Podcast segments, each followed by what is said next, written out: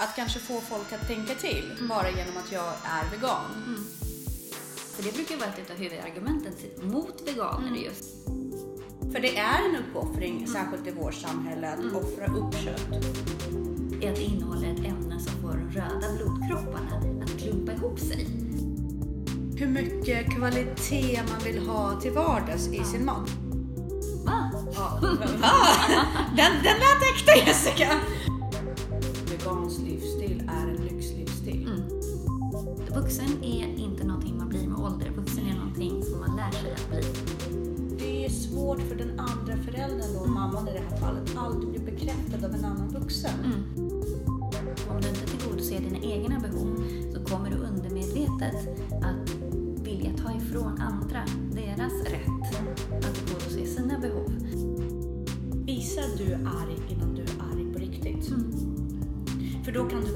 situationen.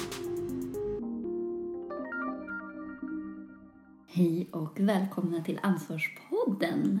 Tanja, du är här igen. Jag är, Så roligt! Jag fick komma hit igen, jättekul. Det är jätteroligt och jag är så taggad för det här som vi ska prata om idag för det är ganska roligt för att du och jag befinner oss ju på två ytterligheter Ja, inom ett ämne som vi ska diskutera idag. ja, absolut. Det kommer, man vet inte hur det kommer gå. Nej, Det får vi se. vi, vi ska hålla god ton. Absolut. Inga personangrepp. Absolut inte. Nej, men det tror jag att vi klarar av rätt bra. Ja. Vi ska nämligen prata om kost. Eh, och eh, då kan vi avslöja att du är eh, vegan. Ja, det Eh, stämmer. Och eh, jag eh, kan väl nästan medge att jag är, eh, skulle man kunna säga animalian. Ja. Jag har ju varit vegetarian under väldigt många år men kommer fram till att jag helt enkelt kan inte motivera det för min kropp. Den mår så mycket bättre av att äta kött. Och vi ska gå in på det lite närmare sen. ja. Får jag fråga dig varför du blev vegetarian? För att jag tyckte synd om djuren. Eh, jag inbillade mig, eller inbillade mig ska jag inte säga, men jag eh, trodde att det var nyttigare för mig. Så. Eh, och eh, sen, sen så gjorde ju jag inte det rätt, kan jag ju kanske villigt erkänna. Vilket jag tror är fallet i och för sig hos väldigt många. Så att jag blev ju trött och jag fick näringsbrister och fick inte i mig det jag skulle och la väl det mesta av vad jag åt var väldigt mycket kolhydrater, inte så mycket fett, inte så mycket protein. Och det är inte en optimal variant för kroppen. Nej, det är inte sallad man ska leva på. Nej men precis. Det är det ju inte. Sallad och eh, ja, pasta och ja. För plockar du bort köttet och eh, du inte är så förtjust i bönor och sådana saker, då, då finns det inte så mycket annat än Egentligen inte. Mm. Spannmål och- Ja, men precis. Och så ersätter man det med de här eh, veganska ersättningar som har kommit nu. Ja, Så det- blir det väldigt enformigt och Ja. frågan är hur mycket bättre är de egentligen? Mm. Med tanke på eh, alla konserveringsmedel Gud, som Alltså- finns i dem. Ja, och då är det ju inte... Ska du vara vegan, Mm. eller vegetarian eller vegan då framförallt, då- måste du vara... Det går ju. Det Men går. Mm. du måste vara grymt påläst och grymt insatt i vad du håller på med för att optimera kroppen. Sen så kan det ju också vara så att skälen till att man väljer att inte äta kött kan ju vara starka. Alltså man kan leva med att man har en kropp som fungerar till 95 procent. Eh, till exempel för att de etiska skälen är starka. Väger och, och det, det står ju var och en fritt att, att göra. Mm. Jag tror inte ens att använder man inte kroppen så mycket eller vill få den att prestera till max, då, då känner man ju inte ens att den Jo, inte liksom... Men det är lite där, därför jag tror att vi har landat på så olika sidor Mm. av det. Du tränar ju väldigt mycket, det är en del av ditt yrke. Jag tränar i princip inte alls. Mm. Nej. Vilket ju gör att jag behöver inte använda min kropp till, Nej. den, på, till den nivån helt enkelt. Och då känner jag Då att men då behöver jag inte det Nej. heller. Och då kan jag offra ska jag säga. Mm. För det är en uppoffring, särskilt i vårt samhälle, att offra upp kött Mm. och mjölkprodukter och äggprodukter. Då, då tycker jag det är värt att göra det just av etiska skäl. Mm. Ehm, så på det viset är det. Precis, och det är bara etiska. Eh, för mig är det ju inte bara etiska skäl, det Nej. är även hälsoskäl. Och mina hälsoskäl har att göra med hormon. Mm. hormoner. Jag upplever att både mjölk och kött innehåller väldigt mycket hormoner.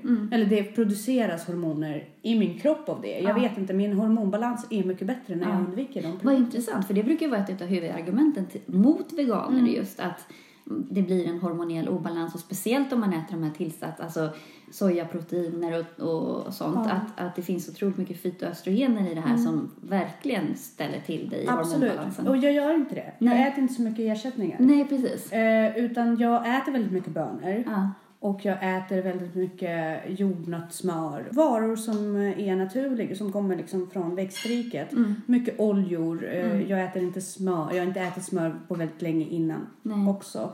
Eh, olivolja, mandel. Alltså, saker som kommer, fett, mycket fett. Mm. Och jag känner att mina hormoner det, det kommer i balans. Mm. Och det kanske är därför, det kanske inte är därför, det vet jag inte. Mm. Nej. Men den kosten passar mig och jag tycker att fler borde veta mer om det. Mm. Men det är också någonting som är värt att nämna att veganismen är en otrolig trend just nu. Ja, och det finns mycket lobby. Ja, det som absolut. jag tycker är tråkigt är ju också att det kan jag uppleva att, jag, att veganer i många fall är, är ju mycket mer aggressiva i sin propaganda. Alltså de, Ja eh, jag, jag upplever inte att köttätare fördömer veganer lika mycket som veganer faktiskt fördömer köttätare. alltså, Du jag skulle inte annorlunda. populärkulturen står på din sida skulle jag inte säga. Eh, utan det, det skämtas ju hej vilt om veganer. Men det är också just det här sättet som veganer positionerar sig på. eh, att de fördömer. Det är sant, många fördömer. Jag har ju inte den inställningen. Jag brukar, vi som jobbar med barn dessutom. Jag är väldigt försiktig med att liksom fördöma köttätare på något sätt överhuvudtaget. Jag säger alltid det är ett personligt val. Ja, precis precis. som religion eller Ja, ja. Något annat.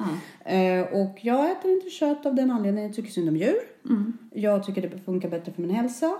Och jag tycker att det är bättre för miljön i långa loppet. Mm. Vilket också kan diskuteras. För det finns inga slutgiltiga belägg för det. Nej, det absolut miljövänligaste du kan äta egentligen är ju en, en viltdjur Ja. som du har skjutit själv. Den enda miljöbelastningen då är ju transporten dit ut till skogsmarken och hem igen om du då tar bil eller så. Eh, Eh, för ja. det har inte kostat någonting att varken föda upp eller odla upp. Och det här djuret har ju fått leva Ja. helt fritt, helt under sina naturliga förhållanden. Men, men om vi skulle ta det omöjliga möjligt och säga att alla skulle ut och jaga. Då skulle Ja. vi utplåna väldigt många arter väldigt fort. Absolut. Därför att vi är ju rätt vana vid att konsumera kött Mm. på ett helt annat sätt än vad vi hade kanske från början. Och det är där man också får, oavsett vilket val man gör, att det är viktigt att se, okej, dels var kommer den här råvaran ifrån? Vilken kvalitet har den? Så att det finns ju kött som är fullsprutade med hormoner. Det finns växter, spannmål som är nergödslade Definitivt. med massa gifter och sånt där. Så, så var kommer produkten ifrån? Eh, och även miljömässigt. Och det kanske är vettigare att äta en, eh, ett nötkreatur som har växt upp i Brasilien och betat fritt hela tiden och sen transporteras hit via båt än att äta den här närodlade kossan som kanske inte är ekologisk utan uppväxt i ett stall men det är fortfarande svenskt kött. Har transport, allting transporterats ut till Västerås för att slaktas och sen så tillbaka. Så du har ändå åkt genom en stor del av Sverige beroende på var man bor. Då. Så att även om den är uppväxt här i Stockholm så måste den till Västerås för att slaktas och sen Precis. så tillbaka där det förpackas och sådär. Och Så- samma sak kan gälla väldigt mycket av det som odlas eh, växt, från växtriket. Mm. Det, det är ju apelsiner och frukt som färdas över halva jordklotet. Det där är jätteintressant också som, som vegan. Är det inte svårt att äta en bra balanserad vegansk kost på bara svenska råvaror? Eh, Hur mycket liksom importerat äter du? jag äter väldigt mycket svamp, jag äter väldigt mycket bönor. Ja. Eh, jag äter vanliga grönsaker som gurka och tomat som Ja. oftast är ju exporterade på vintertid. Ja. Det, Men det, innehåller inte så mycket heller. nej, det gör inte Jag det. skulle men- ju verkligen så vilja få i mig avokado och så. Ja, ja eh, och där, där, där är man ju, där är man ju, där, det, det är nog svårare, och speciellt, det beror ju på hur mycket kvalitet man vill ha till vardags i sin mat. Man klarar sig Ja. på svenska råvaror och vara vegan. Ja, men för det måste ju bli mycket liksom ärtor och den typen Ja, av... precis. Men sen får vi inte glömma att med min bakgrund som en ryska så har vi ju varit väldigt vana vid att inte konsumera gröna grönsaker under vinterhalvåret. Jaha, då, Men jag tänker då gurka, det här som måste hålla sig lite färskt. ja, men för det är mycket i broccoli och det är där väldigt mycket näring ligger också. Ja, men eh, rotfrukter, Mm. väldigt mycket nötter, väldigt mycket svamp. Äpplen håller sig under hela vinter och Mm. äpplen innehåller ju fantastiskt mycket bra ämnen.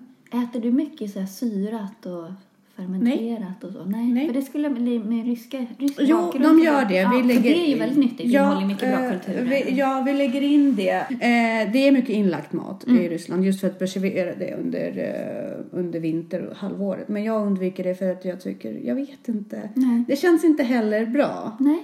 För mig är det mest naturliga om det jag äter. Liksom att jag har sett det tillagas. Du vet att jag skär mina grönsaker. Mm. Sen, du lägger inte in själv och sådär. nej, jag gör inte det. Eh, av tidsbrist. Jag hade i bästa världen, Ja, ja, absolut. Men det är nötter och det är liksom frukt. Mest äpplen, päron, eh, jordgubbar är underbara. Det äter jag ju hemskt gärna också. Men, men jag försöker ändå hålla det på den nivån att jag kan bara skära upp och äta det. Och snacks är ju mest nötter Mm.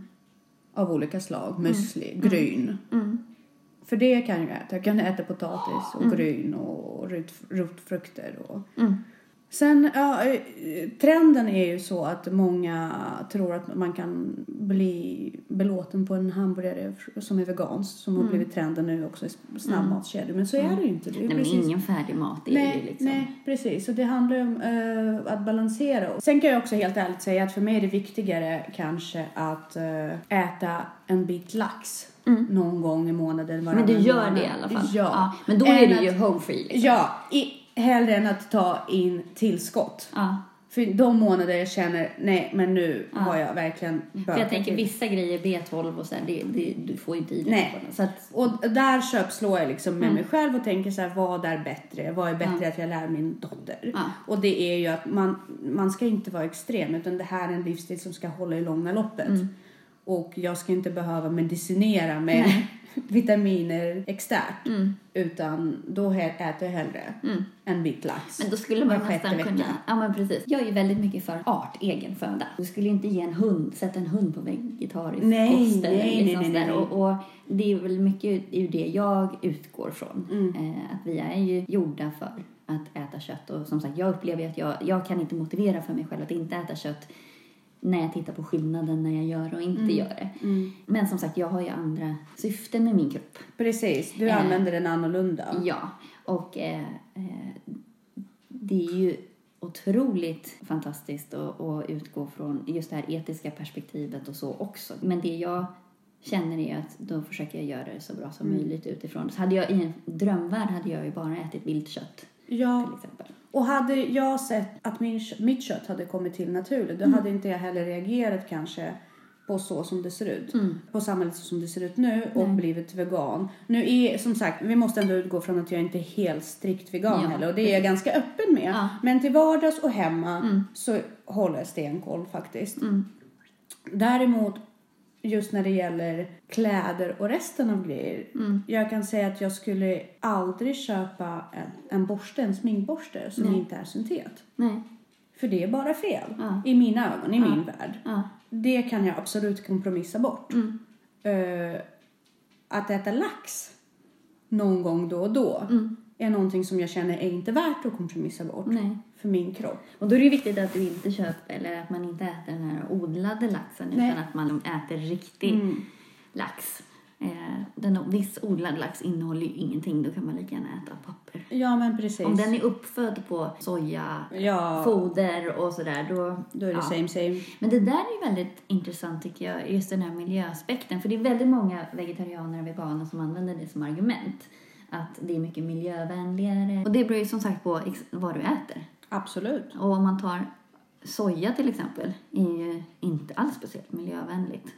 Nej, inte palmolja. Nej, inte palmolja och palmolja. det finns inget positivt med palmolja. Nej. Det förstör kroppen och det förstör Även kokos. jorden. Ja. är ju väldigt svår liksom att framta och så. Eh, Så att eh, jag håller med. Men det, det handlar om, i slutändan, precis som vi pratade om förra podden, det handlar om eget ansvar. Vad man gör det till och hur man ser på sin livsfilosofi. Och just i det här fallet att inte trycka ner andra utan istället försöka göra det bästa utifrån sitt eget perspektiv, sin egen kropp. Man lär sig hela tiden och eh, jag tror ändå att om köttkonsumtionen går ner så är det bättre för miljön i slutändan. Och även mjölkkonsumtionen och sådär. Så att, att kanske få folk att tänka till bara genom att jag är vegan. Kanske bidrar det med och det behöver inte vara extremt. Det är de små valen som gör det. Men jag tänkte på, vad har du för miljötänk när du väljer råvaror och sånt där? Om du... Eh, ja, det ska ju helst vara närodlat. Ja. Eh, och eh, jag använder ändå rätt mycket frysta grönsaker. Mm. Men du väljer ju det som är svenskt. Och jag kan, jag kan säga så här, för mig handlar det mest om att komma hem och göra matintaget så enkelt som möjligt. Så kan jag äta det direkt ur affären. Då känns det för mig redan som att jag är någonstans win. Win-win. För att eh, för bortsett från frukten då, äpplen känns ju naturligt för mig att äta och de, de försöker välja svenska. Bananer, där undviker jag helt enkelt att äta dem. Sen så när det gäller avokado just, men det är en liten lyxprodukt för mig. Det äter inte jag varje dag. Det äter jag till helgen liksom när min mat ska vara lite finare. Så miljötänket ligger Den ger ju så otroligt mycket fördelar och är ju sånt så superfood. Ja, men där avväger jag. Men jag tänker eh, quinoa äter jag mycket. Men det odlas inte i Sverige. Det är jag medveten om liksom att det färdas. Men däremot bovete. Det odlas ju i alla fall i Europa. Och även i Sverige. Och den kan man ju er- ersätta och ändå få in det är en bra ersättning istället för potatis till exempel. Och man får in jättemycket andra ämnen som är otroligt bra. Så att, eh, men jag tänker mer hälsa ändå. När jag äter, måste jag helt enkelt säga. Jag tror att det är bättre. På något sätt inne i min hjärna så är det inbyggt att bara att jag är vegan är redan bättre miljö. Mm. Har du alltid varit det? Nej, jag har bara varit det i två år och det är också en intressant historia. Därför att vi hade på skolan en flicka som hade problem med vikten. Och just att hon hade ätstörningar. Och hon var väldigt stark politisk vegan. Mm. För det är också en sån grej som man brukar säga att speciellt tjejer när de blir Ja. lite äldre och veganer Ja. ökar ju jättemycket i vikt för att man stör ämnesomsättningen Ja. så mycket och man, och, och man inte får i sig rätt typ av fetter. Eller, Men hon, är, hon var undernärd. mm. Och eh, anledningen till det var ju dels att hon inte var påläst, dels att familjen inte hade Nej. möjlighet att förse henne med rätt kost Mm. och så. Och där började den kampen så att jag sa till henne i princip, jag testar att vara vegan. Mm. För jag har råd med det, med min kroppsvikt. liksom och så. Och jag är äldre och jag har Mm. råd ekonomiskt också. Och du går, går tillbaka till vanlig kost och försöker äta så, så Mm. hälsosamt som möjligt. Och den dealen köpte hon. Så hon slutade vara vegan. Och jag blev vegan. Och sen dess har jag hållit mig till det. Förutom det här halvåret när jag arbetade med en dietist som inte jobbar med veganer när jag gick ner i vikt jättemycket. Men jag tror inte att det handlar om att det inte går att gå ner i vikt Nej. som vegan. Utan det är just att hon inte arbetade med Precis. vegansk kost. Och då var det Men jag tror som- att definitivt att det går att gå ner i vikt, absolut. Men ska jag vara helt ärlig så tror jag att det är svårare att gå ner i vikt Att göra på en det vegan? Ja, Ja, mycket möjligt. Om det inte är så som du berättade om den här andra tjejen, att man är nästan svält. Mm. liksom, Att man är helt undernärd, för man, ja, att man blir skinny fat på något vis. Ja, men därför att den allmänna eh, bilden av veganismen tror jag att folk tror att bara de blir veganer så går de ner. Mm, och det är snarare tvärtom. Man måste Ja. för att det är som, ja, för det upplever jag väldigt mycket när jag, alltså folk runt omkring Mm. mig och sådär som vill gå ner i vikt och har testat mycket bara vegetar- Mm. vegetarisk mat.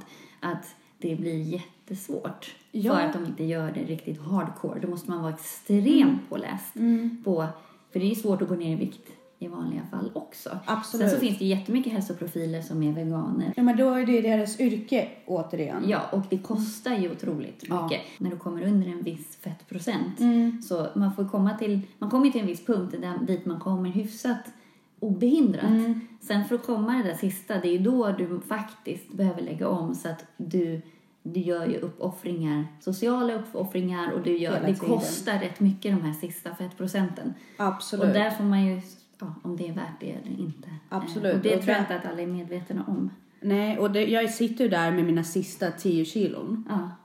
Och jag är vegan. Mm. Och sen kanske inte jag den mest rätta typen, nu visar jag Mm. citationstecken igen på radio. eh, rätta typen av vegan, inte det mest pålästa kan jag inte påstå att jag är. Eh, och jag, nej, jag tampas med det. Mm. Därför att jag vet att det är för att eh, gå ner de sista 10 kilona, då måste man vara extrem. Då, då handlar det om social uppoffring. Mm. Då handlar det om väldigt mycket kunskap. Då är det en prestation utöver Mm. fikapausen liksom.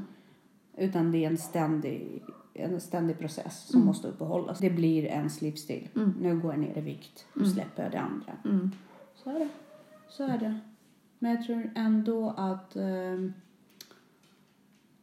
den vegetariska eh, livsstilen måste lyftas mer. Absolut, och jag är helt och hållet liksom älskar vegansk mat och vegetarisk mat fast med lite kött. Ja. fast, fast med lite skinka. Ja, men alltså, det finns ju otroligt mycket som vi bör äta som väldigt många inte äter. Ta bort pastan och ta bort ris och sånt där. Och ät broccoli istället, ät avokado, ät gröna bladgrönsaker. Ät, det finns så otroligt mycket bra grejer att äta som vi inte äter för att vi då väljer näringsfattigare alternativ som pasta till exempel. Eh, och där skulle ju verkligen veganismen och vegetarisk kost och sådär kunna lyfta fram otroligt schyssta alternativ. Absolut. Sen om man vill äta det med kött eller inte, det Det är upp till man- var ja. det är upp till var och en. Precis. Men, men eh, för mig är ju också en annan fördel att min dotter växer upp med båda livsstilarna. Mm. Det tycker jag är schysst. Ja, där skulle jag nog faktiskt inte våga sätta ett barn på helvegansk kost. Nej men nej, det skulle jag inte heller därför att så ser inte ehm, Livsmedelsverket rekommenderar inte det. Nej. Då kan inte jag sätta mig emot det. Nej. Därför att det skulle vara alldeles för extremt för mig. Mm. Men Sen hon så har inte Livsmedelsverket helt rätt i alla. Nej, nej, absolut. heller, men- men... Men, vi går, om vi tar riktlinjerna på dagis och Mm, sedan ja, i skolan. Mm. Det skulle ju göra livet väldigt extremt för henne också. Mm. Däremot så ser hon mig. Ja, precis. Och det är väl det bästa sättet Ja, att influera någon exakt. på. Att inte forcera det, utan Exakt. låta dem välja. Ja, Att växa upp i lite olika, under olika förutsättningar och sen så välja. passar. exakt. För att för eh, när det här påbörjade då, då, tänkte, då kunde hon aldrig få för sig att äta havrejoghurt. Nej. Nu börjar hon bli intresserad för det. Mm. Och jag kan inte säga att det, jag tycker att det är dåligt. Jag tycker Nej. det är ganska bra att Ja. hon ser de här alternativen. Precis. Ja, men det finns ju massa kulturer som äter mycket vegetariskt fast de äter... Oftast lyfter man upp Asien som ett sån, en sån Ja. kultur att ja, men de äter så mycket soja och de äter... Och det, ja, att de äter mycket vegetariskt och så. Men de, där har det ju varit status också att äta Mm. kött. Sen har ju de tillgång till, har haft tillgång till mindre mängd kött. Mm. Men de har ju alltid ätit kött, alltså mycket kyckling Mm. och fisk i det asiatiska köket men Mm. inte samma mängd som vi har. Och sen äter inte de soja heller på samma Nej. sätt som vi gör. De äter ju hela sojabönan och ja, deras mängd soja är inte alls lika stor som den blir hos oss och då får ju de, alltså då, vi får ju de negativa effekterna av Precis. sojan. Men det, är- det är återigen värt att nämna det här med att allt som kommer ur förpackning är sämre Mm. än det som inte kommer Eller ur förpackning. Och det spelar ingen roll om det är eh, mjölk och yoghurt Mm. eller eh, gulaschsoppa på burk kontra n- någonting annat Mm. som är vegetariskt på burk. Utan man måste tänka vad är syftet, Mm. vad funkar för mig, inte trycka på det här i ansiktet på andra. nej. Det här är inte... Och ska man äta soja, att man tänker på att äta fermenterad soja. Ja. För det är det de gör i Asien och det Mm. funkar. Men inte det här producerade halvfabrikaten som vi äter. Det är ju helt galet. Och de separerar ju inte heller sojan i olika delar. Nej, Utan det är verkligen, de äter ju hela sojabönan. Och då är det helt okej. Ja men precis för det, då, det är ju som i fallet med min elev då. Mm. Då levde hon på de här sojaburgare. Ja, korn och... Korn och, ja. det, och det är ju, ja då kan man ju lika gärna Ja. äta chicken nuggets. Ja men överlag tycker jag, oavsett kosthållning eller vad man ska säga, oavsett ideologi, Mm. så bara ren mat, Ja. schyssta råvaror, Ja. Se till att de inte tillagas att all näring försvinner. Mm. Hur är det framtaget? Är det mycket besprutningsmedel, tillsatsämnen Mm. och så? Det är ju det som är kärnan, tänker jag. Ja, Men man tänker bara vanlig fried... Jag älskar, innan jag blev vegan så jag älskade jag fried chicken. Det är inte det hälsosammaste valet Nej. man kan göra i sin vardag och äta fried chicken. Men det är ju ändå skillnad mellan att äta det här restprodukterna på snabbmatskedjorna som har blivit friterade eller att man faktiskt tar filéer hemma. Ja, och gör det. Är från ekologisk kyckling, Ja. inte djupfryst och gör det hemma. Det är ändå skillnad. Så att allt beror alltså det finns ju extrema överallt. Men min, min, min livsstil just nu handlar väldigt mycket om att finna det här gröna. Och odlade maten. Precis. Jag har ju läst en del om just sojabönan och sådär. Men en av de läskigaste grejerna som jag har stött på vad det gäller sojabönor är att det innehåller ett ämne som får de röda blodkropparna att klumpa ihop sig. Jaha. Det är ju superläskigt. Det, då är du mer påläst än vad jag Nej men och sen så att det, men det, ja, att det skulle ha hormonförändrande förändrade egenskaper. Ja men soja, soja är ju, det Ja. har ju bevisats och det, det är ju nog det första man lär sig också som vegan Mm. eh, när, när det handlar om negativa effekterna av veganismen. Precis. Men eh, mina första eh, väldigt chockartade bekantskap med veganismen var ju när omtalade filmen Cowspiracy. Mm. Det var ju då det blev min första väckarklocka liksom. Oh my god, jag Mm. Och måste den är ändå en propagandafilm. det är en propagandafilm och vilket man lär sig efteråt. Mm. Och då omvärderar man även veganismen väldigt mycket därför att eh, mycket av det som sägs i den här Cowspiracy som to- många tonåringar faller för Ja. det måste man ju ändå se med kritiska eh, ögon Mm. därför att eh, ja fast vegansk mat det tar också upp väldigt mycket plats att odla och det förstör. Mm. Ja, ja. Och skövla regnskogar. Och skövla. Mm. regnskogar, det kommer man inte ifrån. Och sen mängden mat som måste produceras. Ja, och särskilt om det är ekologiskt. Då slänger man ju Ja. väldigt mycket också för då kan man inte mota alla Nej. bakterier och angrepp och sånt i grind. Så Exakt. att ekologiskt behöver ju inte vara miljövänligt på ett sätt heller för att det är otroligt mycket svinn på det. Ja, så får man, man får absolut inte glömma bort att vegansk livsstil är en lyxlivsstil. Mm, gud ja, verkligen. Det är inte det billigaste alternativet någonstans. Nej, det är det inte. Det är inte det lättaste alternativet någonstans. Och det är inte det mest naturliga alternativet heller. Nej, det är det. Utan det är en konstgjord livsstil. Och verkligen lyxlivsstil, så är det. Eh, särskilt i, i ett land som Sverige. Mm, gud ja, verkligen. Ja. Eh, där det mesta gröna Mm. färdas långa vägar. Eh, och det får man ha i åtanke. Det är just därför jag tycker att det är viktigt att påverka ungdomar och samhällen, men på rätt sätt. Mm. Eh, så. Men jag tänker eh, mycket också på det här med, liksom, vad, när jag stoppar i mig saker, att jag tänker på vad kroppen består av. Och den består ju av mättade fetter, protein och vatten egentligen. Eh, så då, då också i den här debatten med att mättade fetter är så farligt. Både bröstmjölken innehåller ju mättade fetter och kroppen består väldigt stor del av mättade fetter. Så att jag tror inte att det kan vara farligt för oss på det sättet, eller liksom de animaliska fetterna. Så, eh, för att då skulle inte bröstmjölken innehålla det. Men allt handlar om mängden. Ja, absolut. Gud ja. Eh, men jag tänker på min egen familj, min man. Mm. Som alltid har ätit kött till alla sina måltider. Mm. Men det beror också på hur man tillagar Ja, och kvaliteten. Och, ja, självklart. Men, men jag tänker, han har ju aldrig kunnat tänka sig nej. en livsstil utan kött. Nej. Men det märker man ju. Det märkte jag när jag slutade äta kött och sen så började äta igen. Ja. Alltså i början fick jag ju sådär nästan som så här uppstötningar av lik Ja, från kroppen. Ja, liksom, ja. när den, och det, det upplever man ju aldrig när du är en köttätare. Men när du går precis i gränslandet där. jag känner smaken av blod Ja, i kött. Mm. Om jag råkar få det Ja. i munnen nu. Ja. Och jag är inte en person som gärna är dramatisk om saker och ting Nej. på det sättet. Utan det är en genuin upplevelse. jag är lite vampyr jag gillar att. Ja, jag har alltid trott det om mig också, men det är en, ett obehag. Sam, På samma sätt som jag känner doften av kossa från mjölk.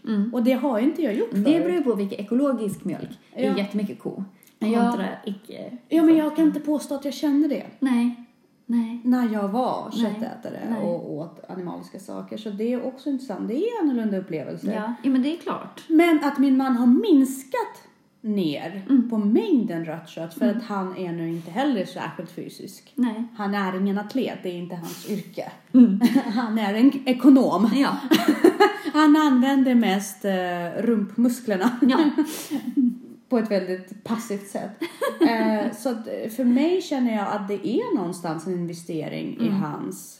Men känner du att du får i dig tillräckligt med järn och alltså, vitaminer och mineraler? För man brukar ju säga att man Ja. lätt får brist på Nej, men jag går ju på checkups. Ja. Jag gör det varje halvår. Magnesium till exempel. Får du i dig tillräckligt med magnesium? Det kan inte jag svara på annat än det jag säger nu. Att jag går ju på mina checkups varje halvår och då säger jag alltid till eh, läkare, husläkaren påminna om att jag är vegan. Kolla alla mina värden. Ja. Och då har all, alltid mina värden alltid kommit upp bra. Ja. Och det tror jag beror väldigt mycket på att jag just kan slarva med att ha mjölk i Ja, kaffet. ja, precis. och att jag Ja. äter fisk någon gång var sjätte, åttonde vecka. Liksom. Eh, därför att jag känner att jag vinner mer på det i längden än att proppa in mig tillskott. Och det gör det också enklare för mig att balansera det här andra. Ja, för jag tänker ur det här djurperspektivet Mm. så skulle man ju fort ändå kunna äta saker. Alltså du skulle ju kunna äta ägg om du har åkt till en bondgård där hönsen springer helt fritt. Fast det liksom gör jag gärna inte på en helg. Nej, Det är inte värt för mig. Moraliskt så kan man ju komma runt Ja. både hälsomässigt och att man fortfarande är snäll mot djuren. Absolut. Det, allt handlar om val. Det är just det här med att jag orkar inte åka till en bondgård och då undviker jag ägg helt och hållet. Men jag berövar inte min dotter möjligheten att käka pannkakor. Nej. Om det är det hon vill. Mm. Eh, däremot så kan jag alltid säga att idag äter vi veganska pannkakor för att jag också vill vara med. Och då vill inte jag laga två sorters pannkakor. Hur lagar man det? Det har jag aldrig Det ätit. eh, äter man, man, eh, det lagar man på um, mjölkfri margarin. Mm. Mm. eh, på raps. Mm. Och sen så använder man allt annat lika liksom. Mm. Och, och, För jag tänker, Det ägget är funkar ju det som ägg. binder ihop det. ja, har man de är ju lite så, de faller isär lite mer. Ja. Men, men det brukar hålla ihop ändå. Mm. Eh, funkar.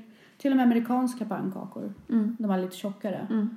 Funkar bra. Mm. Men det är, sen, sen är det inte hälsosamt det heller. Nej. Man ska, det är för att sen lägger man ju på sylt Mm. och gärna lite mer Jo, men eh, smör. pannkakor är ju inte mat. Nej, det nej, är ju nej, en nej, efterrätt. precis. Så att det, det, där spelar det liksom inte så Nej. stor roll ur hälsoperspektiv. Nej. Utan det är just det här att jag försöker undvika ägg. Mm. Och då kan det vara så. Och då blir hon jätteupprörd för hon tycker inte alls att de smakar likadant. Nej. Men då får hon vara det just den Ja. dagen. För det är, som du säger, det är ändå efterrätt. Ja.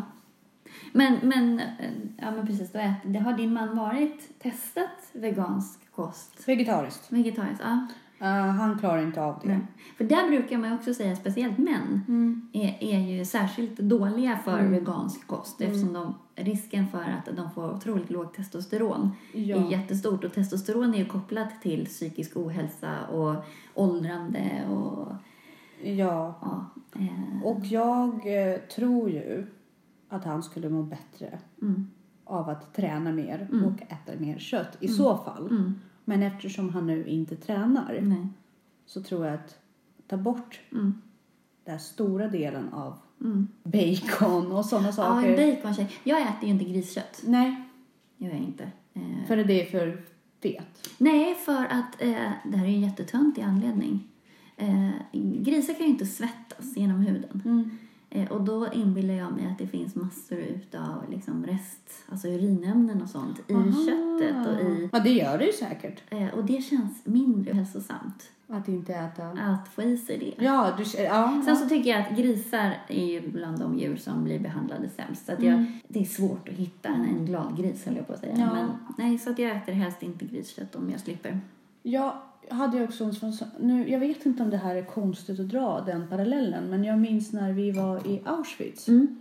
och vi fick en guided tur Mm. och de berättade om de här, den här enorma utrotningsmaskinen av människor på Birkenau. Ja. Uh, som är så slående och så, så många människor reagerar så starkt Mm. på och absolut ett folkmord och jag är Och väldigt gör man direkt på grisar hela tiden. Ja, men jag är direkt bunden till det eftersom jag har Mm. judiska rötter så att jag känner, man skulle kunna säga att jag är liksom mer Ja. eh, Mm. känslig för det. Eh, man behöver inte säga det, men man skulle kunna säga det. Mm. Eh, men sen så, så går jag ju där och så många människor är komple- komplett oförstående inför Mm. att det här är exakt vad vi gör. Mm. mot så många djur fortfarande varje dag. Mm. Och det här, är, det här är varelser som känner smärta, Ja. som känner mental, mental Ångest, ja. smärta, Ja. ångest. Så, som blir av med sina barn och familjemedlemmar och som kanske inte kan uttrycka det. Mm. Det känns otroligt jobbigt. För då känns det som dubbel Ja, och Moral. där kan jag vara lite sådär, äter man kött då måste man ju kunna ta ansvaret. den delen. Och man måste kunna se ett djur styckas till exempel. Man måste kunna erkänna att när du står där och väljer din entrecote eller Ja. din oxfilé så måste du kunna erkänna att det är likdelar Ja. som ligger där inne. Ja. Du måste Var med i processen. Ja, förenas med det. Eller, ja. Och det klarar inte jag av. Nej, och klarar man inte det Mm. då måste man ju faktiskt tänka om. För att man kan inte bara låtsas som att det är någon form av ja, industriprodukt eller något sånt. Utan det måste man... Vilket idag upplever jag barn inte får se. Nej. Därför att vi har kommit så långt ifrån bondesamhället Mm. och separerat den här processen av hur maten kommer till. Mm. Eh. Och det är ju också ett schysstare sätt. Du har levt med den här grisen under hela Mm. året. Den har Ja. ett namn. Och den avslappnade attityden som de här har runt bordet eller den här bondefamiljen. Att ja, men nu är det lilla Nisse som Ja. ligger här på bordet. Ja, men han var ju gullig liksom. Och att man har ett helt annat förhållningssätt till. För väldigt många får ju panik Mm. när man säger eh, Ja, men när, det, när man inser att det här det är likdelar som ligger här, vilken av dem vill du ha? Mm. Och när det blir så att man, ja men Auschwitz och vilket slakteri som helst. Ja, Eh, precis. Och jag tror att... man måste ju förlika sig med det och sen så då får man ju då välja den avlivningsmetod som man, och där återigen viltkött. Mm. Ja, det är men oslagbart. absolut. Men, jag har en liten hund. Mm. När han ligger och sover Mm. så är han väldigt lik en kyckling. Mm. Till sin kropp, liksom hur Mm. hans eh, lemmar ser ut. Mm. Och, och sen ta en kyckling för mig Mm. och börja skära i det och tillaga det. Vilket jag ändå gör för Mm. min familj då och då. Det känns ju otroligt personligt. Jag klarar inte av den delen. Jag klarar inte av den processen som du pratar om. Nej. För mig är det enklare Mm. att på bekostnad på min, kanske eventuellt då för min hälsa, att avstå. Därför att jag klarar inte av det och jag behöver inte min kropp på det sättet där jag måste fylla på med protein Mm. i den mängden. Eh, ja, här är han ju. Lilla kycklingen. Ja, han smyger runt. Eh, och, Det där, förlåt. mm, ja, det är Nej, men det är en jätteintressant koppling för jag pratade i, i förra avsnittet tror jag var om att just det här att göra sig till Gud. Katarina frågade mig om jag kunde tänka mig att ha hund igen. Mm. Och då var min anledning just den, men jag kan inte göra mig till Gud och bestämma att hon ska dö eller inte dö. Sitta där och så. Och det är ju för att man har en personligare koppling Mm. till det. Eh, och det är just den personliga kopplingen som gör det svårare på ett sätt. Men samtidigt i det här gamla bondesamhället så tror jag att det var det som gjorde det lätt. De visste att det här djuret Ja. hade haft det bra. Ja. De visste hela... Ja, ja, jag tror inte att jag hade haft eh, lika svårt för det om jag hade bott på en bondgård. Därför då hade För det är del- också en del av kulturen. Ja, en del av kulturen, en del av processen. Jag hade sett till att det djuret hade mått bra. Jag hade gjort det här valet varje dag av mitt precis. liv. Jag hade varit med. Och sen hade jag tagit en del av sorgen för den individen ändå som ett djur är. Hade gått bort och tagit del av köttet. En annan grej som, du är ju också lite sådär utseendeintresserad Ja. och så.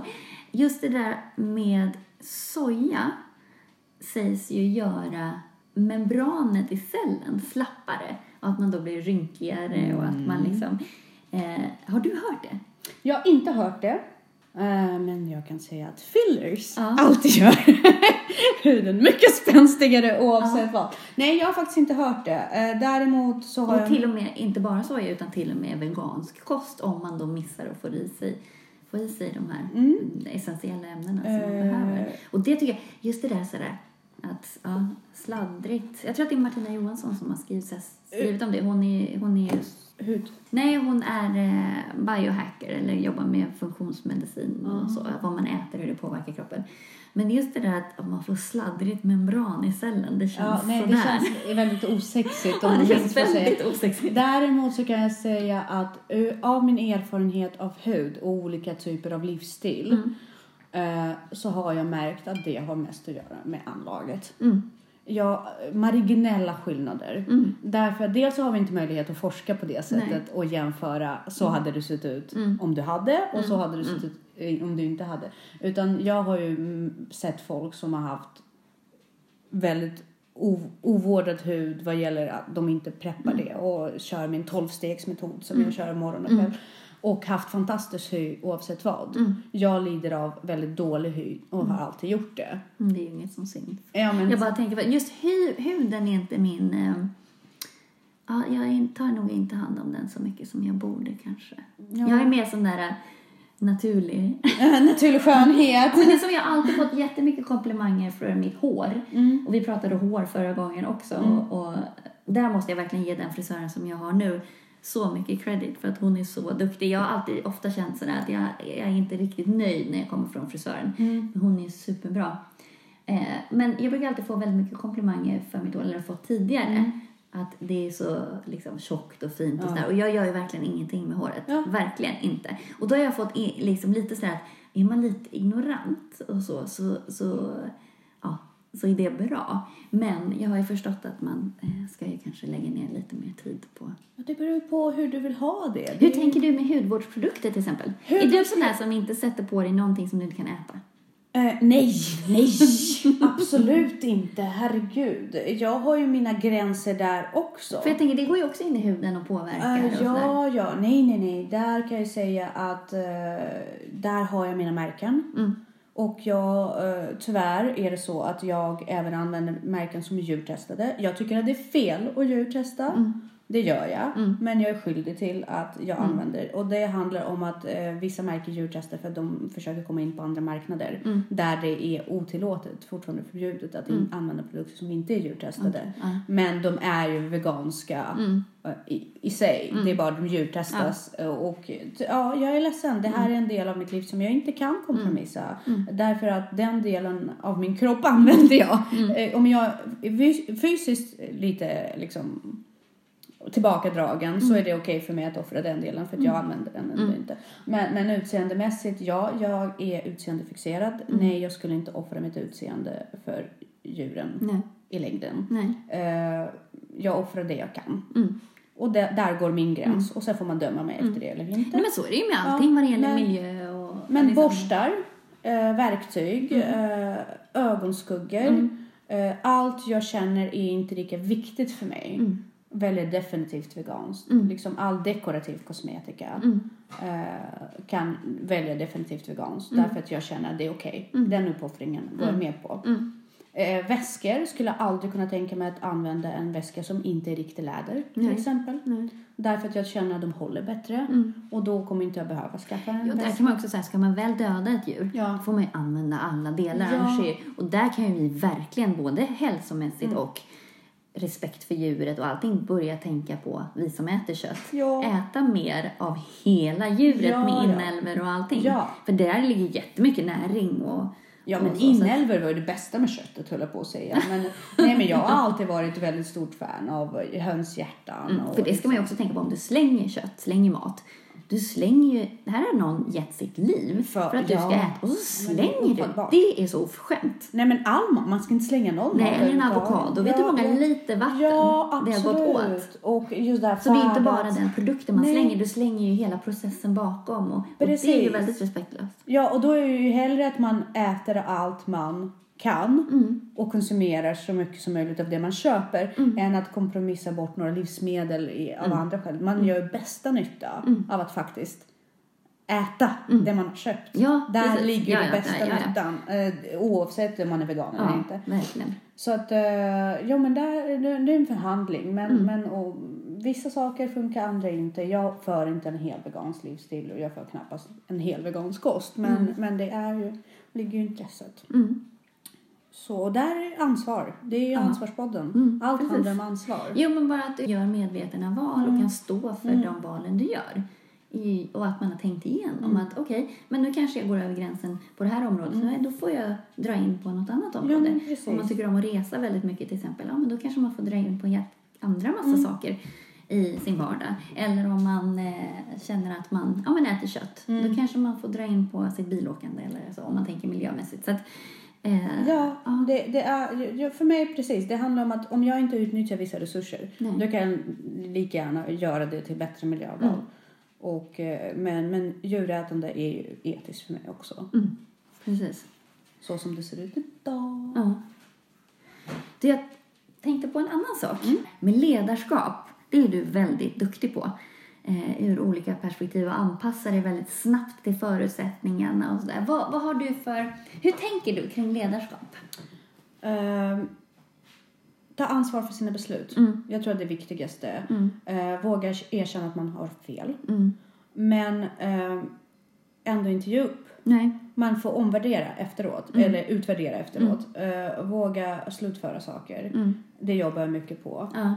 Eh, att vara prestigelös. ja. Att liksom vara öppen i processen hur Ja. tanken går och vad man strävar och så. Jag säger inte till någon för att jag är chefen. Jag säger till någon för att jag tror på processen. Mm, precis. Vi har ett mål. Mm. Det här handlar inte om mig, det här handlar om målet. Mm. Eh, tror jag Mm. är det viktigaste. Och sen tänker jag väldigt mycket positiv makt så som du och jag pratade om förut. Mm. Eh, jag kan ju betraktas som en riktig bitch hemma. Va? Ja, men va? Den, den lät äkta Jessica! Men eh, för att ibland så tar inte jag att min dotter har ont i magen. Nej. Därför att jag kan på något sätt se Mm. när det verkligen gör ont Mm. och när det är bara liksom lite, "Ah, jag orkar inte. Jo, men det tror jag verkligen med barnuppfostran så får man ju... Du får ju någon, det har vi också pratat om, Mm. en väldig uppförsbacke om du viker dig hela tiden. Du måste, Precis. någonstans måste du ha ett eget maggropsmål, att hit ska vi. Mm. Och sen så kommer ju barn försöka att göra avvikelser på den här vägen och sådär. Men då får man ju någonstans... Du måste ju ta hänsyn till barnet, men vissa grejer är inte förhandlingsbart. Mm. Nej. Då hade man öppnat upp för förhandling. Precis. Så att, och då måste, jag tror ju på det här med skendemokrati, att man liksom Ja. får, får, får barnet att tro att det är med och bestämma, Ja. eller ger det rätt att bestämma Ja. när det går att bestämma. Och sen andra saker är inte förhandlingsbara. Ett Absolut. barn ska inte vara med och bestämma vissa. Och det hamnar Stora, väldigt mycket saker. i nu när Elisabeth är i sex års ålder. Att, att jag och Viktor pratar Mm. och sen tycker hon till mitt i vårt samtal. Mm. Och det känns, som mamma känns det på ett sätt fruktansvärt att säga till henne, men kan du låta vuxna prata? Mm. Det är inte intressant vad du tycker just nu. Men du kommer få Mm. någonting som du får tycka till om. Men först måste mamma och pappa prata. Mm. Det känns väldigt fel i tiden att säga så till Mm. sitt barn just nu, så som samhället ser ut runt omkring mig. Mm. Men det gör jag ändå. Och jag tror att med åldern också, när man har gjort så många misstag själv, Mm. då kan man också säga så här, vet du vad? Jag har varit där, jag har gjort det, jag har gjort misstagen. Och nu säger jag till dig, du har ett val. Men du, gör du det här, då kommer du misslyckas. Mm. Och sen släpper det. Mm. Man måste våga det som ledare tror jag. Mm. Absolut. Och sen begår den man leder det här misstaget. Eller så gör den den inte. Ja. Det är Ja, det, båda, båda, båda varianter är ju väldigt spännande. Mm. Båda är ju det, för båda är karaktärbildande. Verkligen. Fast på olika sätt. Eh, jag coachar nu Mm. eh, en familj Mm. med en 14-årig Mm. pojke som har väldigt svårt att komma igång Mm. med allt Mm. egentligen och utnyttjar eh, sin makt med Mm. mamman och säger jag kommer inte gå till skolan om jag inte får igenom det här. Nej. Och även en annan familj där en 16-årig flicka Mm. gör likadant. Och där ser jag ju att det handlar ju inte om barnen. Nej. Det är väldigt tydligt. Mm. Och där är det ju också att, att tycker jag det låter som med gränssättning. Mm. Och den gränssättningen kan man inte börja sätta Nej. när de är 12-13. Den, den måste du ha sedan de är Ja. två. Ja, Alltså hela tiden. absolut. Och där får man ju ta igen så mycket med föräldern. Mm. Och liksom peppa föräldern i att Mm. vara stark nu. Och svårt också när det har gått så långt att Ja. våga chansa. Ja. Alltså hur, hur vågar man chansa om ett barn hotar med att ta livet av sig Ja. till exempel? Det vågar man ju inte. Chansa. Inte som, nej, nej, nej. nej Även fast man vet att sätta ja, hårt mot hårt. Absolut. Men alltså, ja. Ja, det är väl, för i många fall är det ju det det handlar om. Eh, Det är ju en eh, fysisk utpressning från barnens sida där de säger jag kommer ta livet av mig. Mm. Och det är en sån där under bältet utpressning. För det är likadant med föräldrar Ja. som säger, hotar barn med Ja. att jag det får man inte Nej. göra. Nej. För det är sån här, har du, skaffat, har du tagit beslut att skaffa barn, då har du frånsagt dig rättigheten att, Mm. Att att, ta- ditt eget liv. Absolut. Det finns inte som alternativ längre. Nej, och där måste man vara så otroligt stark som person, påläst även och veta att det här kommer inte hända. Därför det här barnet är inte självmordsbenägen. Nej. Ett bortskämt ba- en- barn är inte ett självmordsbenäget barn. Den kommer skrika, gapa, slå i väggar. Men, Men- den kommer inte ta sitt eget Nej, liv. men är man inte det, då vågar... Alltså, Nej, ja. exakt. Hur vet Och- man? Exakt. För- och det är där man jobbar väldigt mycket med föräldern. Ja. Och särskilt i den åldern, om det Mm. har börjat så sent. Och stackars mammor som sitter där och gråter till mig i telefon Mm. och säger nu är mitt barn instängd i sitt rum, Mm. slår i väggar, bankar huvudet i väggen. Jag vet inte om jag kan lämna det Nej. barnet själv. Nej. Jo men det kan du. Ja. Jag lovar det du Ja. kan. För hade ditt barn velat ta livet av sig då hade du inte vetat om det Nej, då gör ja, precis. Och då hotar man inte med Och då hotar man inte med det. Det är ett beslut man tar väldigt privat Mm. oftast. Och det har varit så många rop på hjälp. Det här är ett bortskämt barn. Mm. Det man ska veta också i det där, nu är vi, jobb- jobbar vi med barn, Mm. eh, är ju också att om man har ett barn som är självmordsbenäget och har varit depressivt väldigt Mm. länge och sen kommer man till en punkt att men gud, nu verkar det som han mår Ja. bättre. Det är det läskiga. Ja, för då, då. då har de bestämt sig. Ja. Så att det är obs, obs, obs, obs. Mm. Men då, då jobbar vi med barn på helt andra Ja, ja, premisser. ja. Då pratar vi inte, jag vill gå ut eller så tar livet av mig. Nej. Då, då, då man, eller nu vill jag ha den här. Ja, men det här är ju ofta barn som sitter, alltså är utsatta för Ja. mobbing eller ja. Ja. som är, har en depressiv, har formats in i en depressiv karaktär. Men när de plötsligt av okänd Ja. anledning Helt- är lite gladare och lite mer lättade, Precis. då är det varningsklockor. Absolut. Ja, nej men det här, nej nej nej, jag hade aldrig tagit på mig Nej. en situation där jag känner att men det här är ett kliniskt fall. Mm. Det här är ren uppfostran. Fast på lite liksom återigen lite lyxigare Mm. Ja. nivå där mammorna inte klarar av det själva. Eh, Hur är det med, jätte, ja, du behöver inte svara på det här om du inte vill, men hur är det med fäderna? Är det närvarande fäder? nej, det är det inte. För det Och där- det är riktigt ja. kul, eller hur? Ja. För det där tycker jag också i den här metoo-debatten, Mm. nu hoppar vi ämnen här, så kan jag känna att någonstans så glömmer man ju också pojkarna. Mm. Att sitta ner med de här pojkgrupperna och prata om vad, vad innebär det att vara Mm. man? Vad innebär det att faktiskt vara pappa? Mm. För att om man tittar, det finns jättemycket studier som kommer nu på män där det har gått illa, Mm. som har ett kriminellt beteende eller som, ja, det är alltid frånvarande Mm. fäder. Och att faktiskt att val, tänka sig för Mm. Innan man sätter sig i en situation där man potentiellt kan bli pappa. Mm. För det här barnet som får växa upp utan pappa är Utsatt redan från början. väldigt, väldigt utsatt. Mm. Att, och större sannolikhet att det går illa. För Nu säger jag inte att det är alla, men man kan men statistiskt. det, absolut. Och det är de Åskar familjer... här utanför. Ja, det är Mysigt. Faktiskt. Det är lite sommar, Ja. midsommarkänsla på något Eller sätt. hur? Eh, nej, det är frånvarande fäder. Mm. Uh, fädrar. För det är inte så lätt att vara kille i det här samhället heller med all nej, press. Och nej, nej, nej. Speciellt inte tonårskille. Nej. Och där tror jag vi kvinnor glömmer också. Mm. Att de har otroligt mycket normer och ideal Mm. på sig. Lika mycket som, som vi upplever att vi har. Absolut. Men ett bortskämt barn har ingen kön. Nej, nej gud nej. Eh, kan jag. Men däremot har de frånvarande fäder. Det, Ja. det, så är det eh, i många fall. Eh, I ena fallet är pappan ute och reser och jobbar Mm. och finns närvarande i telefon då och då och fysiskt då och då. Mm. I det andra fallet är det ensamstående. Eh, så att ja, frånvarande. Men det är också, det handlar, det är svårt för den andra föräldern då, mamman i det här fallet, aldrig blir bekräftad av en annan vuxen. Mm. Den kämpar ju järnet med att försöka bekräfta sig själv i sitt föräldraskap. Den individen söker ju också bekräftelse. Mm. Men det är ju jätteintressant faktiskt. Jag- Jag har ju, om jag utgår från mig själv, eh, jag är ju väldigt mycket och har varit väldigt mycket med mina barn. Mm. Eh, men jag, just den delen har jag aldrig upplevt som ett problem. Alltså för jag har varit så himla i mig själv Mm. Eh, besluten i hur jag vill ha det och hur jag eh, ska gå tillväga. Så att, ja, Men då har du förmodligen byggt dig själv innan. ja, absolut. Och- jag är ju sån som person. Ja. Där är jag ju, å andra sidan nackdelen är ju att jag är inte så lätt i relationer heller. Nej. Att Men du hade ju, eh, vad jag vet, en ganska stor process av att bygga dig själv oh ja, innan. ja, ja, gud, Du ja. är ju, du liksom, det går inte, du är skottsäker vad gäller sådana saker. De här mödrarna har oftast hamnat i den situationen ofrivilligt, väldigt fort Mm.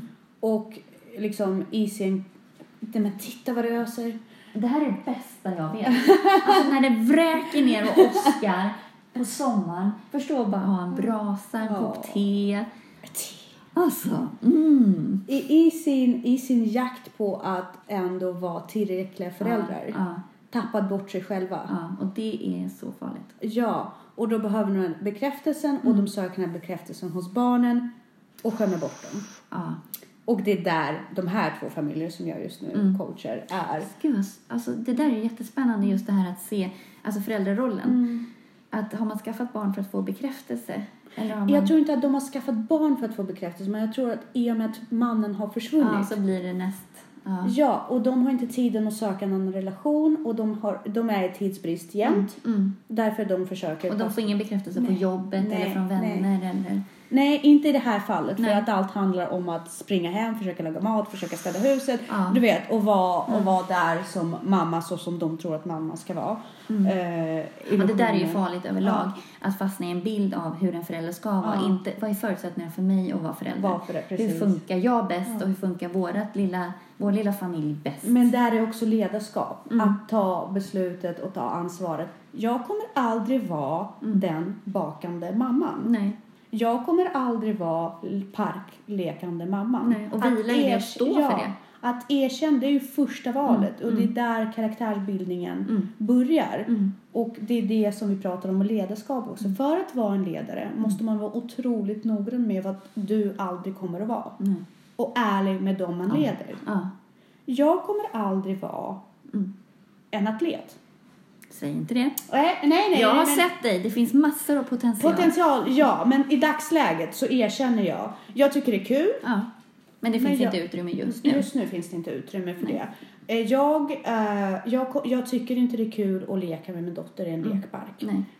Jag är inte en barnkär person. Ja, jag jobbar med barn, det är mitt jobb. Jag, tycker, jag brinner väldigt Fast mycket. du, du gillar ju människor. Jag gillar människor. Och där, där ligger ju jag också. Jag tycker inte om barn för att de är barn. Jag gillar människor. Ja, precis. Man, man gör det för ett annat syfte liksom. precis. jag tycker inte om småbarnskulturen. Nej. Jag tycker det är vidrigt. Att våga säga Ja, det. precis. Att våga vara ärlig med var man kommer ifrån. Ja.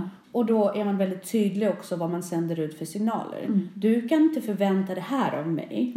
Därför att jag är inte en sån person Nej. och jag vet om det. Och det där är ju som min, det här pratade jag och Katarina om också eh, sist.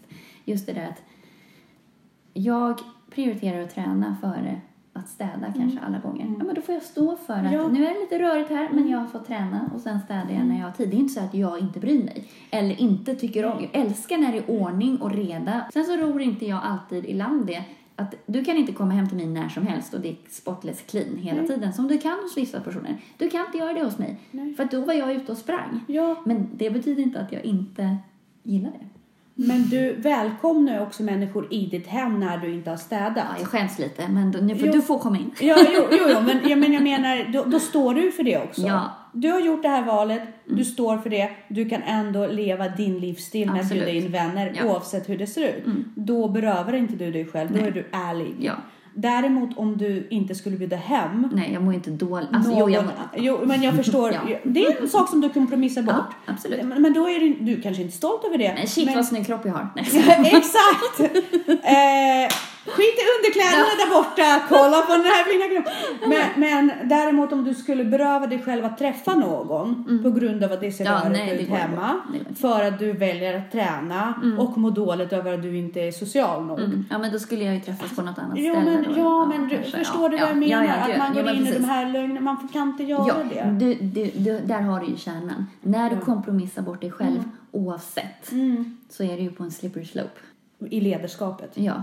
Också. Eh, Och för din egen Ja, överlevnad. ja, ja, överlevnad. För då kryper ju offerkoftan och martyren Ja, fram. ja och det, man, man kan inte vara offer och, Och då hittar man fel på andra. Ja, nej men det går inte. då blir man ohärlig. Ja, men det är alltid ett eget, ens eget ansvar. Eh, Alla relationer är ens Ja. eget ansvar. Jo, men alla fel du hittar på alla andra är ju egentligen bara meddelanden till dig själv om dig själv. Ja, Och om du inte, har du tänkt på det? Att när man själv är lite sådär missnöjd eller haft en dålig dag eller så, då hittar man många fler fel på andra. Än om, du vet när man har så här, kommer ut från världens bästa medarbetarsamtal Ja. och bara är så boostad och sen så bara, då älskar man ju alla.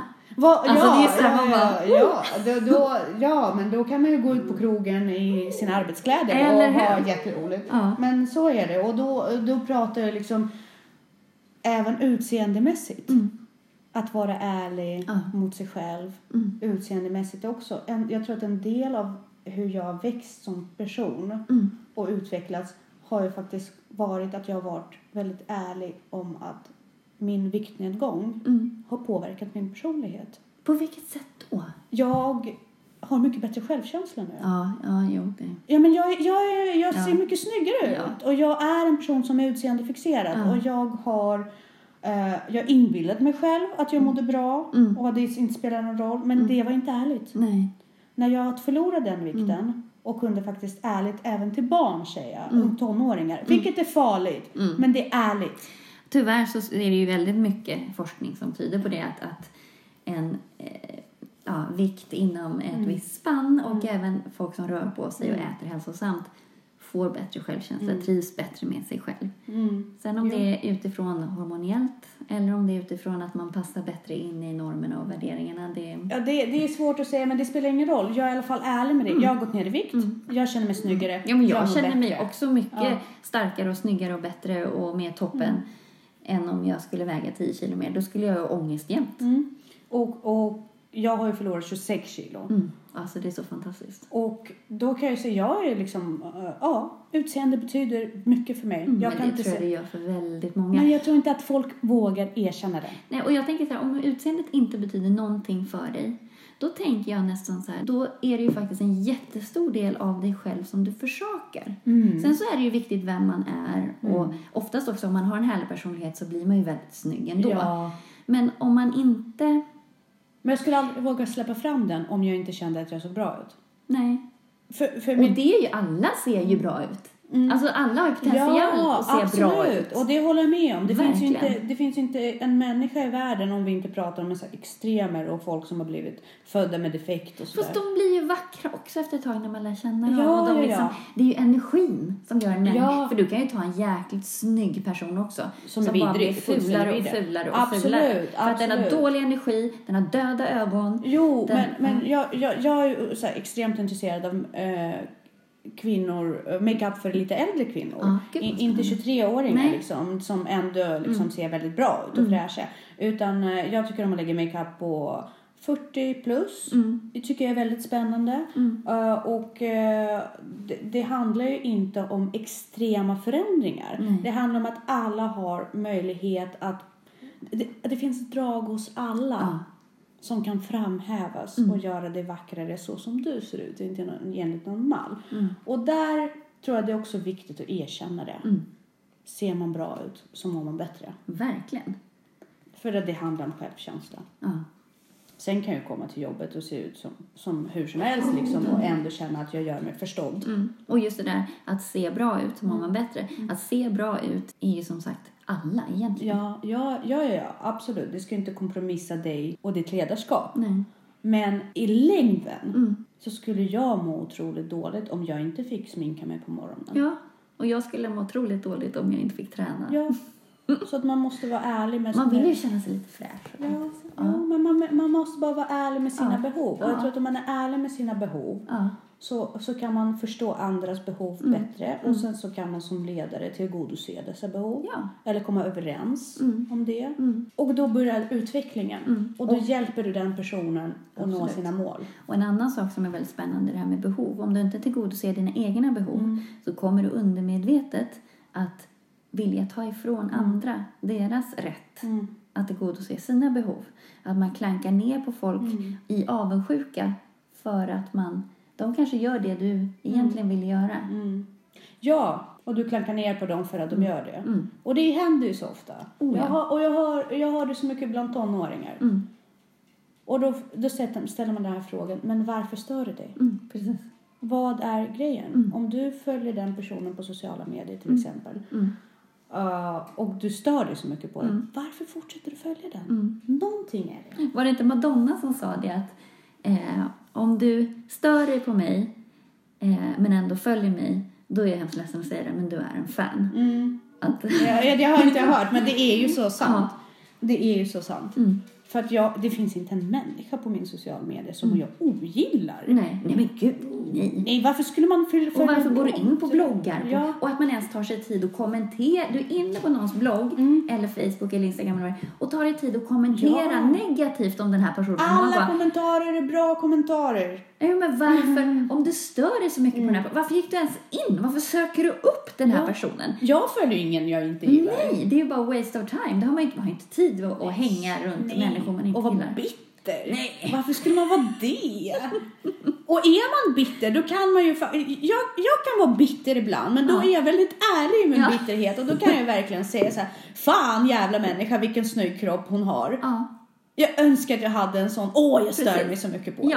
Och då handlar det ju direkt om dig. Ja, Det är- då och då, du- då är jag, er, jag erkänner ju det också. För att det där, fan vad snygg kropp hon har. Det är ett meddelande till dig Mm, om ja. dig. Varför jag- tänker du så? Ja, jo, för att du behöver det. Mm. Ja, och oftast om man klankar ner på någon så är det antingen för att man är rädd för att bli som den Mm. personen är. Eh, eller för att den har något som man själv vill ha. Mm. Definitivt. Jag och det är bara att se vilket av dem Och ju två. ärligare man är mot sig själv, då Mm. tror jag desto lättare är det att er, erkänna andras behov Mm, verkligen. och erkänna, Och se andras behov. se andras behov och se deras utvecklingspotential. Mm. Och jag tror det är det, just med det här med hur jag blir den andra föräldern i de här coachingfamiljerna. För föräldern, stödföräldern, stödmaken Mm. Ja. för de här mammorna. Att jag bara kan ringa upp dem på kvällen och säga du gjorde ett bra jobb idag. Ja. Tvivla inte på dina Nej. val. Tvivla inte på dina beslut. Det för det är det de värdefullt. behöver veta. Det är det de behöver bara bolla med någon och sen hittar de den här styrkan i sig Mm. själv. Okej, ja, du kompromissade bort, eh, du gav bort Playstation, du gav tillbaka den. Mm. Men du behövde en ledig kväll. Men det ser man ju hos sig själv också. Ja. Det vet jag när jag kan ju vara lite känslig i saker och Mm. reagera väldigt starkt på saker. Och ibland så behöver jag också bara bli bemött och Mm. säga, men vet du Jessica, nu överreagerar du fruktansvärt mycket. Jag tycker jättemycket om dig, tycker Mm. du är en skön tjej. Men släpp det. Ja. Man, ja, det kan man ju behöva höra. Man kan behöva höra det samtidigt som man kan behöva höra du gjorde ett misstag. Mm. Men vet du vad? Det här är ditt Skilj på barn. sak och person. Ja, men det här är din, ditt barn. Du kommer ha möjlighet att göra rätt imorgon. Mm.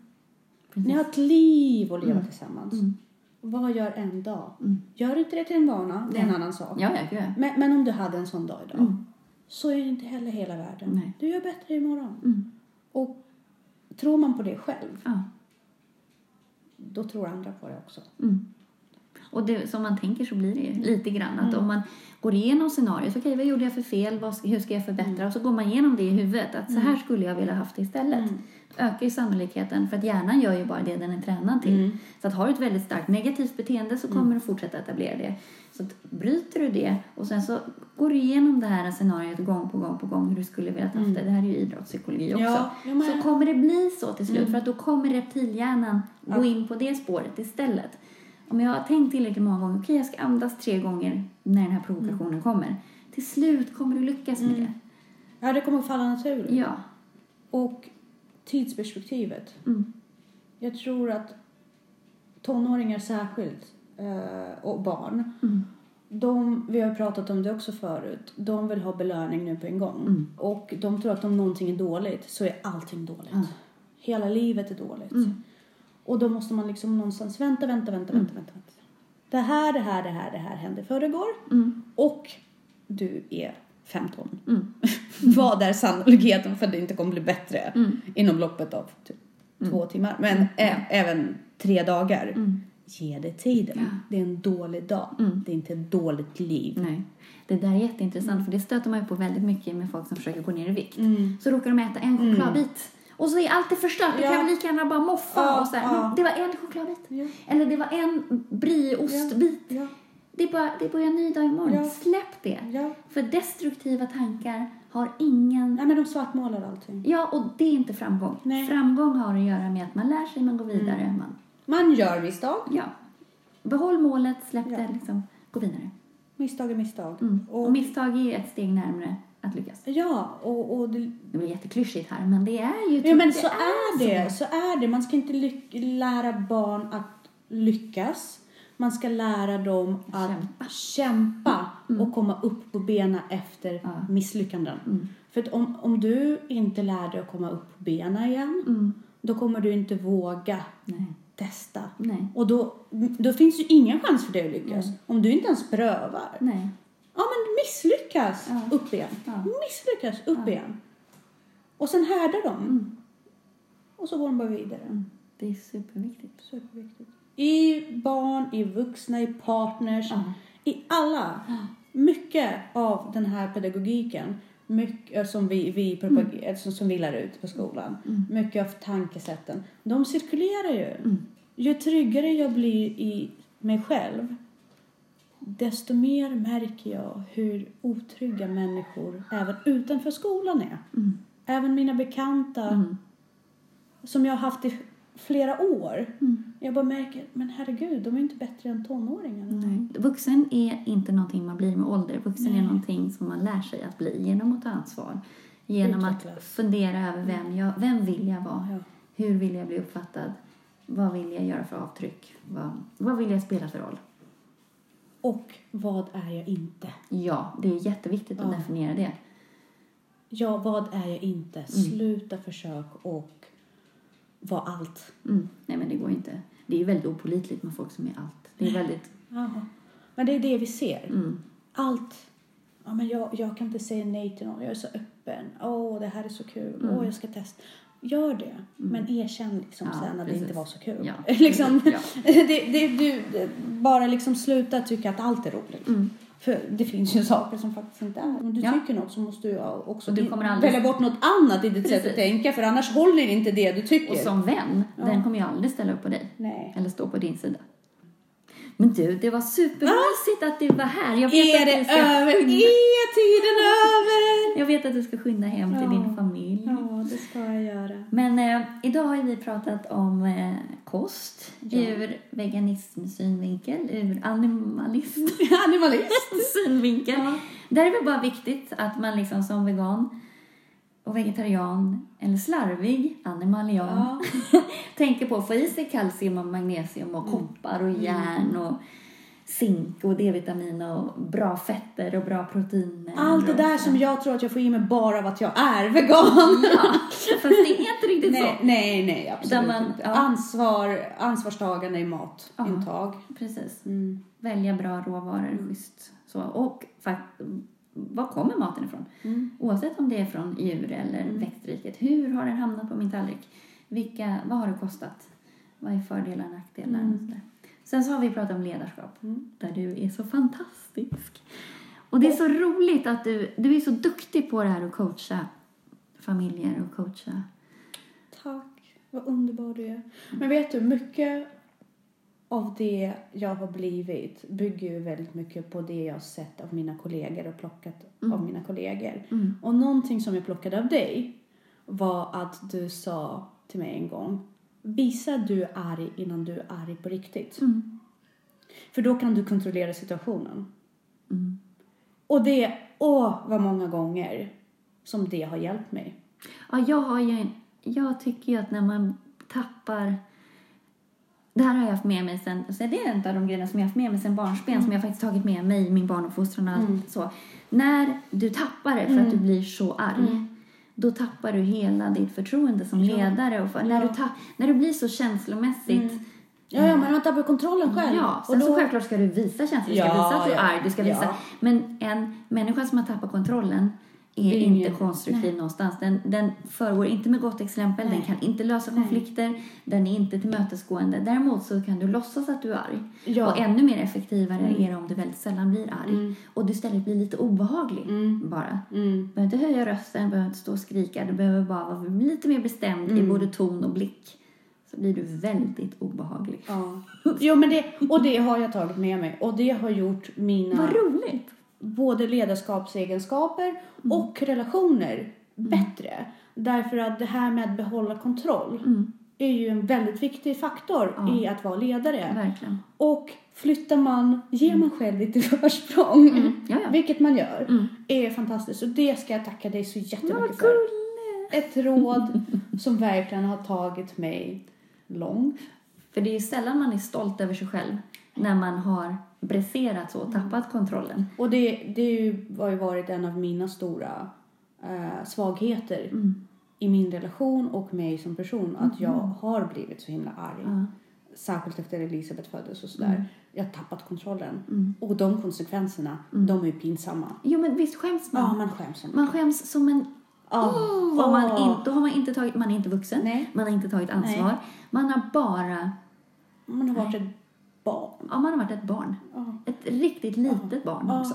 Ja, och man släpper fram den där bortskämda, lite skrikiga, jobbiga ungen i sig själv. Och då tänker man så här, men herregud. Jag har ju ingen pondus. Nej men jag har ingen pondus. Var är min pondus? Var är Nej, det? nej. Men där och där är en otro, någonting som jag rekommenderar till alla lyssnare, någonting som jag är väldigt tacksam för. Bli arg innan, visa du är arg innan du blir arg på riktigt.